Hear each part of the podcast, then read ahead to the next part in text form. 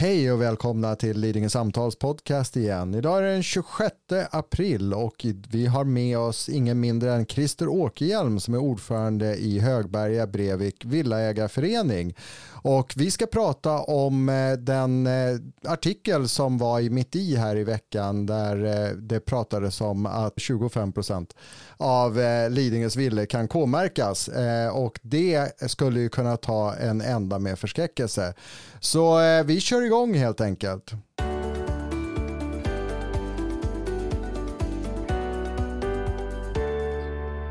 Ja, välkomna tillbaka till mina eh, vapendragare här då, Lars och Gabor som är med den här också. Och sen naturligtvis ett extra speciellt välkommen till dig Christer. Eh, du kan få presentera dig själv lite grann. Ja, tack så jättemycket för att jag får vara, vara med er. Eh, jag heter alltså Christer Åkerhielm och är här i egenskap av Högberga Breviks Villaägarförenings ordförande. Eh, vi har tillsammans med Lidingvillor, som är en samarbetsorganisation mellan nästan alla villägarföreningar på ön eh, haft lite synpunkter på det här arbetsmaterialet eller förslaget på kulturmiljöprogram som staden har eller håller på att eh, ta fram. Mm. Och eh, det är väl eh, inte så konstigt för det är ganska eh, drastiska saker som föreslås där i eller kan bli en följd av det. Så att, eftersom vi har dig med Christer, du kan väl få presentera frågan lite större för våra lyssnare, liksom vad, vad det egentligen är som, som kan tänkas komma att hända. Ja, låt mig backa då tillbaka. Alltså, staden har tagit fram ett så kallat kulturmiljöprogram där man kan i praktiken reglera lite grann vad eh, man får göra och inte får göra inom ett, ett hus eller område. Eh, och då har de eh, mycket förtjänstfullt på ett jättebra sätt inventerat hela halva Lidingö om eh, hur det ser ut och vilka hus som är värdefulla eller framförallt områden som är värdefulla. Eh, och sen har man då eh, möjligheter att säga att inom de här områdena där ska man inte förvanska husen och där kräver man bygglov på saker som annars inte skulle krävas bygglov. Och då kan man liksom sätta upp ramar som är mer bevarande karaktär än man annars kan göra enligt eh, plan och bygglagen. Mm. Och vi har då eh, som villägare, nästan, vi har väldigt eniga alla villägarföreningar som har pratat om det här, är att vi har haft lite synpunkter på det i, i flera aspekter. Jag kan återkomma till vilka synpunkter men det, det är ju inte så att vi är negativa till att ta fram en plan men det gäller att den görs på ett vettigt och balanserat sätt. Mm. För att eh, man skulle ju kunna se det här att det skulle kunna bli en ganska eh, drastiskt ingrepp i äganderätten egentligen och eh, liksom den, den, fria viljan och besluts möjligheten hos den enskilda boende och eh, det kanske man dessutom inte ens är riktigt medveten om när man går in i vad ju som för trots allt de flesta är den största affär de gör som privatperson, deras boende liksom. Nej, men det är ju en av hund, hund, eller problemen som vi känner också om man köper en villa, gör sin livsinvestering och man äger den, då det minsta man kan begära är att man vet vad som gäller när jag köper någonting. Mm. Köper jag ett K-märkt hus, jag vet att jag inte får göra någonting och går in med det med öppna ögon och ändå köper det, men då är det en sak. Än värre är det om man köper någonting och sen efteråt så lägger man då en våt filt eller krav eller eh, andra saker på det. Det där är ju verkligen intrång i äganderätten tycker jag tror nästan vi alla villaägare. Mm. Det är, inte, det är nog inte bara villägare som tänker på det. Nej. Att, eh, ibland när det låter i debatten, tycker jag som före detta kommunalpolitiker, så låter det, det så att säga mer en kons, konserveringstanke mm. och mindre av moderata tankar kring att skydda äganderätten. Mm. Men det kan ju vara en missuppfattning beroende på hur det står i media. Jag hade ja. en fundering också, om jag får sticka in med den. Mm. Hur mycket är det stadens egna värderingar? Hur mycket bygger man på Riksantikvarieämbetets eh, kartläggningar? Min känsla, jag vet inte riktigt svaret, är det att det är stadens tjänstemän som har inventerat och skrivit om Lidingös villa områden i första hand. Då, eh, och där har man gjort en inventering och, och, och, kommit med förslag och tyckt till. Och så har man då klassat områdena, antingen inte klassat alls eller klassat i, i, gult, lila och orange eller motsvarande. Va? Eh, olika grader på det hela. Och totalt sett så är det ju, vi har frågat om hur, mång, hur stor andel av villor och radhus är det? Ja, det vet man inte riktigt men vår bedömning är att det är minst 25 procent som då får någon form av eh, klassning eller K-märkning på sig. Mm. Och det där är ju en omfattning som är, eh, jag har aldrig hört talas om att man gjort så stor omfattning på, på ett, ett sånt här eh, idé förut. Det här vill jag hugga in med, precis som du säger, att när man väljer ut en så stor delmängd av fastigheterna och säger att de här är märkvärdiga och speciella, då blir det till slut inte speciellt och märkvärdigt att bo i ett speciellt och märkvärdigt hus. Alltså man, man på något sätt devalverar värdet av det speciella så att säga. Mm. Ehm, och, och, och, så försvinner lite skillnaderna mellan dem. Ehm, ja, man, man, har nog valt ut en lite för stor andel som man vill skydda. Ja, inte bara andel utan ett annan, ett, ett, en anmärkning som vi har också och som vi vänt oss mot, det är att man har klassat hela områden. Inom mitt, jag, eh, vår villaägarförening, vi har Högberga som ett område. Och där har man klassat det högsta klassen, mest skyddsvärda klassen. Eh, Vill, eh, Villa, vad heter det? Villa Högberga, eh, Högberga gård och Villa Hög, Högudden heter det. Eh, där utav samma blandning. Och de radhusen som ligger i samma, det klassar man i samma, eh, på samma sätt med samma regler. Eller snarare man har inte brytt sig om vilka regler som gäller. Vad är det? En sak som lagen ofta pratar om det är att man ska tala om vad är det man vill bevara. Mm. Ja, det kan ju vara byggnadsstilen, eh, byggnadstekniken, man ska måla med slamfärger och så vidare. Men det där har man inte specificerat utan man har bara sagt att det här är skyddsvärda områden. Och jag vänder mig väldigt mycket mot det personligen. För att en sak är att man hittar ett hus som ett unikt eh, objekt som kanske Villa Högudden, för att ta ett exempel. Då, eh, som byggdes på, på slutet på 1800-talet och ska verkligen bevaras. Och förresten är ett kulturminnesmärkt hus utav Länsstyrelsen idag. Det är ju en sak, men att ta hela områden och svepa, det, då blir det ju väldigt otydligt upp till polit, de sittande politikerna vad man får göra och inte göra och det där känns ju väldigt eh, eh otydligt för villaägarna. En annan I den här artikeln en annan problematik som jag tänker på det här det är ju faktiskt att många, alltså de här personerna som äger de här fastigheterna idag har ju alltså köpt någonting eh, i tron att det är en vanlig fastighet och riskerar nu att helt plötsligt få helt andra regler att förhålla sig till och det gör ju att eh, de eh, lite grann har blivit bedragna i vad de har köpt för att nu sitter de helt plötsligt med någonting helt annat och eh, ja, kanske på det sättet hamnar i något av en rävsax. Ja, om jag får skjuta in där på mitt vanliga hatobjekt vill jag på säga. Nej, men jag har i flerfamiljsområden på södra ön studerat vad Riksantikvarieämbetet tidigare har skrivit om 50-60-talshus och upptäckt att det är väldigt slarvigt gjort. Det är likadant när man säger att alla de här husen, det är en arkitekt si och så och sen beskriver man husen och så har man bara kopierat från hus till hus utan att upptäcka att saker som man säger är speciellt skyddsvärda inte finns på alla hus. Mm. Mm. Och det är därför som frågan är hur mycket har kommunen själv gjort då när man bara har klumpat ihop hela Hela Nej, men det, det, det varit just en av våra invändningar. Fokusera på skyddsvärda hus och, och beskriv vad det är som är skyddsvärt då och vad man får göra och inte göra. Det är ju det är ett lite, konstruktivt sätt och det, det jag skulle säga personligen applåderar det vi har vissa unika eh, objekt som verkligen är värda att bevara. Och, och, och, men då får man ju tala om för ägarna vad är det som gäller. Mm.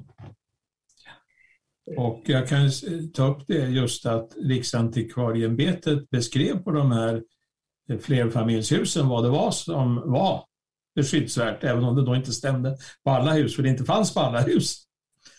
Men sen när det då diskuterades att kanske höja energistandarden, då satte sig kommunens tjänstemän emot det. För att även om det skulle se precis likadant ut så var det fel material. Mm.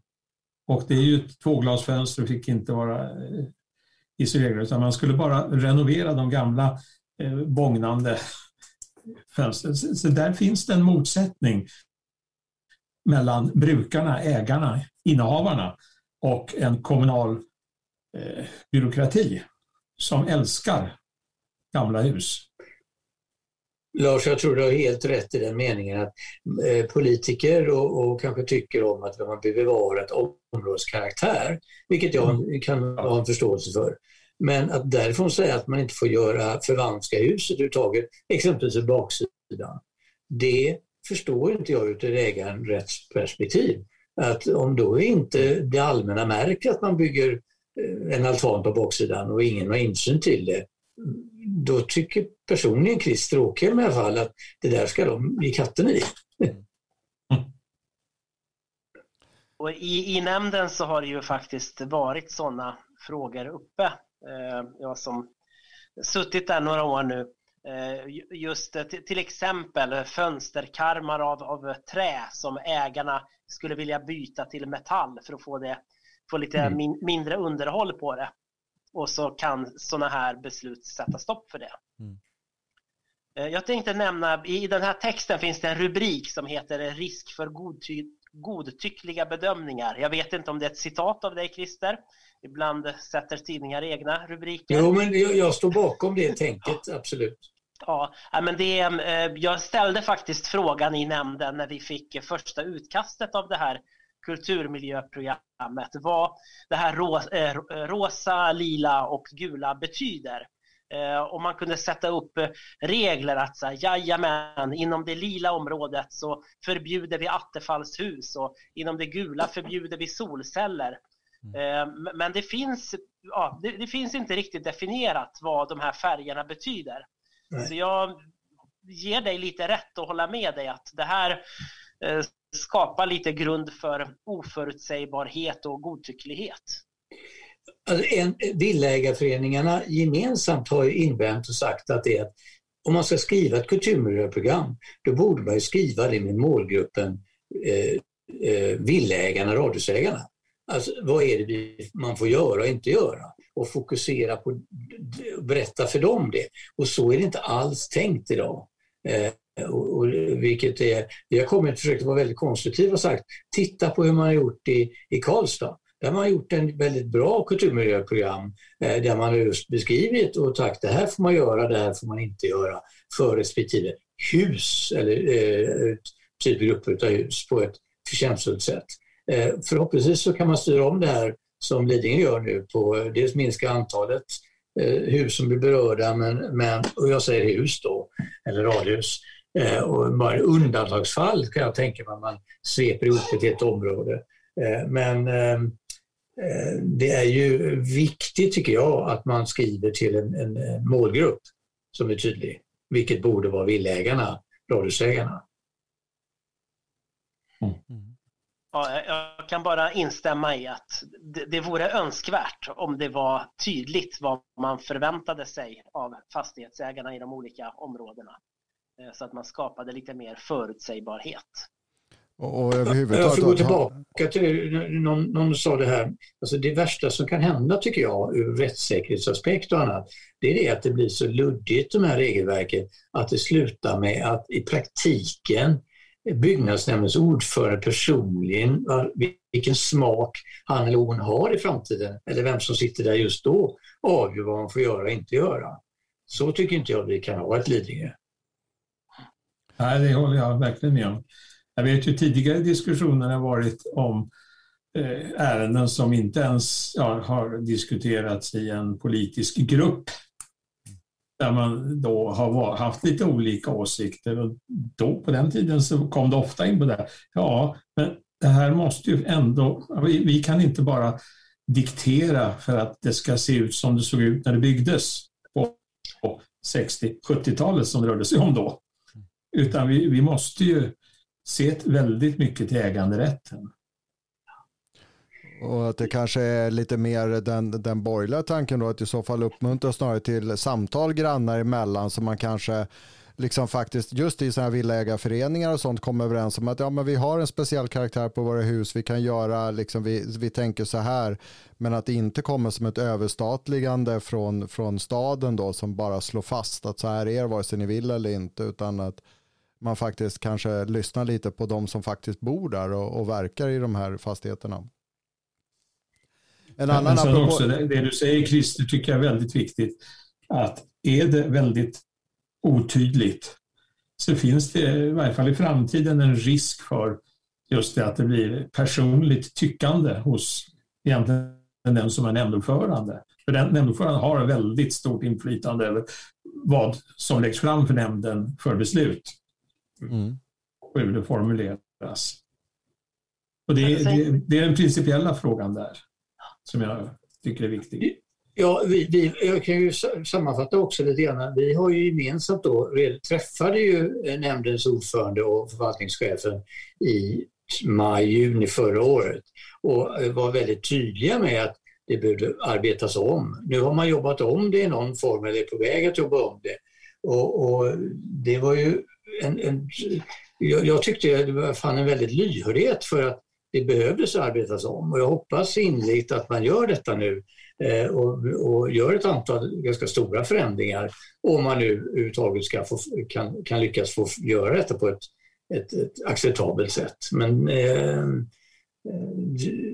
jag upplevde i alla fall att staden var lyhörda och det är ju alltid en, det är en bra början och man vill föra en dialog och komma framåt. För vi inte, vi, Villägarföreningarna vill ju, säkert, vill ju säkert ha, eller vi vill alla ha det, eh, en trivsamt eh, villaområde helt mm. enkelt. Va?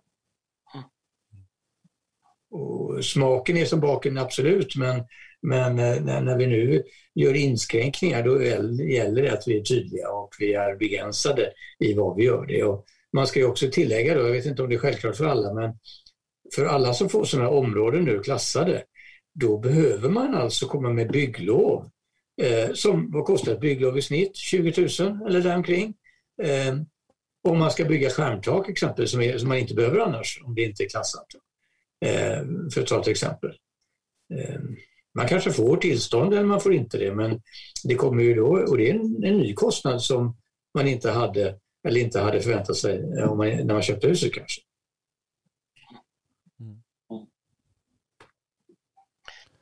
Jo, jag tänker också att man måste ju kunna hänga med i tiden något sånär. Eh, om man tar något väldigt speciellt som eh, Villa Högudden som du nämner i den här texten också. Ehm, deras garage är sannolikt inte lika gammalt som huvudbyggnaden. Skulle någon köpa en sån fastighet och vilja eh, ladda elbilar i det garaget och sätta solceller på garagetaket. Är allt sånt här förbjudet? Ehm, är det förbjudet att sätta upp ett växthus på tomten? Det, det är ju de här förutsägbarheterna som jag saknar i beskrivningen av de här tre färgerna som alla områden har. Jag kan bara, jag kan bara säga det att när vi träffar inom alla Lidingö. Alltså det är 18 eh, villaägarföreningar som är i något som heter Lidingö villor. Plus att det finns en villaägarförening i centrum ut, utav ön, Mosstorp, Härshus, som också ställer sig bakom det här. Och, eh, att vi säger ju absolut, vi måste kunna utveckla fastigheterna. De måste kunna få leva med i sin tid. Sen gäller det att man får veta då vad man ska, vilka värden som ska bevaras om det är några, några fastigheter som är av den skyddsvärda karaktären. Men det är ju A och O att man får, som du säger, nu kommer elbilar. Det är klart man måste kunna se till att man kan ladda bilen hemma då. Eller eh, om man nu kan, eh, jag ska inte dra igång debatten om eh, solceller och hur de ser ut, men ja, det måste få leva med i tiden på ett eller annat sätt. Ja, och alla tider har ju sin egen utmaning. Eh, först var det ju tv-antennerna som var så fruktansvärda. Man ville inte ha en antenndjungel i staden. Eh, sen, sen, så lugnade det ner sig. Då blev det parabolantennerna som var så fruktansvärda. Och nu har ju alla tagit ner sina parabolantenner för alla har Apple TV och den typen av lösningar. Eh, nu är det solceller som är stora problemet. Och ja. Tittar man i en sån här gammal fastighets helhet, he, hela livet över en sån gammal fastighet, så all, alla de här förändringarna har man ju tagit bort idag. Man, man återställer. Så jag tror mm. inte man behöver vara så rädd för solceller heller. Eh, när den vågen går över kanske man tar ner solcellerna så har vi något annat energislag. Ja. Och ur ett äganderättsperspektiv så är det inte konstigt att villaägarna tycker att man måste få liksom använda sina, sitt, sitt hus på, i, i tiden. Mm. Jo, så är det ju. Och sen då, för att återvända till mitt favoritämne, just det här att modernisera kultur, kulturellt väsentliga byggnader så att de uppfyller andra samhällskrav på det, klimatvänlighet, alltså energisnålhet. Att inte elda på kråkorna. Mm. Det kan bli svårt, har det visat sig på sina håll. Just därför att man eh, kräver eh, en originalitet mm. som ger, ger sådana problem. Så det, Men till det, där kan man säga där är det samhällskrav som krockar med varandra. Jag tänkte säga det Lars, till på köpet plan och bygglagen som är så fiskal skulle jag säga i sin grundtänk ger ju, eh, är tydligt säger undantag, gamla hus, alltså nu tänker jag på 1800-talshus och annat, att handikappen eh, anpassar dem till varje pris det finns undantag där man kan slippa det för att mm. det, det håller inte. Det blir orimligt. Eh, så att eh, man får ju använda mm. Någon form av sunt förnuft i, i sammanhangen mm. här och det är väl det som är så viktigt och vad vi eh, framhåller mot staden att titta på vilka hus, specifika hus och tala om vad man får göra, vad är det som är skyddsvärt för det huset. Är det byggnadstekniken, är det arkitekturen eller vad är det för någonting? Och där får man då försöka tänka med, dem, med, med, ur det perspektivet när man ska göra förändringar. Eh, eh, men det betyder ju inte att man ska lägga våt filt över det. Eh, man måste ha, kunna förändra men kanske inte då förstöra eller förvanska som det heter i lagen. Mm. Kanske kalla det för förädla? Ja. Eller, ja. Och jag, tror, jag, tror, jag tror på dagens politiker håller med om detta. Och sen gäller det bara det igen då, att mm. det, Eh, man behöver inte eh, kanske klassa en fjärdedel av alla Lidingös villor, det är ju att ta i. Eh, Eh, att man eh, då ska ha massa regler på dem utöver vad plan och bygglagen säger i allmänhet. Eh, speciellt vårt filt över dem och dessutom inte spesa det, så det håller inte tycker vi. Då.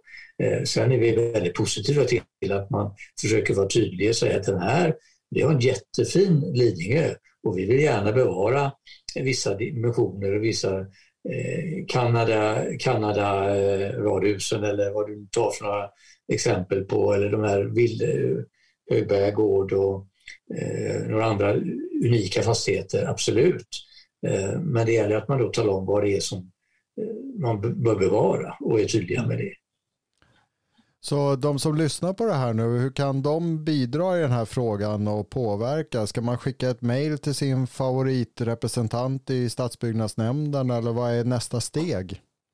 Nej, men jag, jag tror så här, att jag tror att staden och politikerna i majoriteten är väldigt lyhörda till de här synpunkterna. Och det här som har kommit fram är ju inte ett politiskt dokument än, eh, som jag har förstått, utan det är tjänstemännen som föreslår att man, att man gör de här olika områdena och tar så stor del. Jag hoppas och tror att, att man kommer justera det, så andelen eh, som vad jag säger, kallar K-märkt, i alla fall får någon form av märkning på sig, eh, blir mycket mindre än det utkastet som var för, ett, eh, för, för våras, för ett år sedan.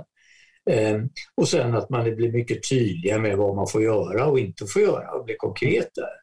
Eh, och det, jag tror att vi ska vara lite... Eh, det första tror jag kommer hända. Det andra är svårt att skriva och där är jag lite orolig för att staden inte klarar av det. Och då tycker jag att då får vi försöka hjälpa till om inte annat. Ja, verkligen. Så eh, jag vill tacka dig Christer för att du har varit med. Det har varit ett intressant samtal. Eh, jag hoppas det har väckt lite tankar hos våra lyssnare. Eh, och läser ni den här artikeln, vilket jag kan uppmuntra er att göra, den finns då i mitt i från vilket datum? Är det någon som kommer ihåg exakt? Ja, det senaste numret, det var ja, förra veckan. Senaste ja. numret då. Så, att, eh, eh, så, så ser ni ju liksom eh, lite grann, där finns ju bland annat den här bilden som vi har pratat om några gånger där man har ringat in lite områden på Lidingö och sådana saker. Så att eh, Tack som sagt var Christer. Eh, tack till min eh, vanliga trogna panel här, Gabor och Lars, att ni har varit med också.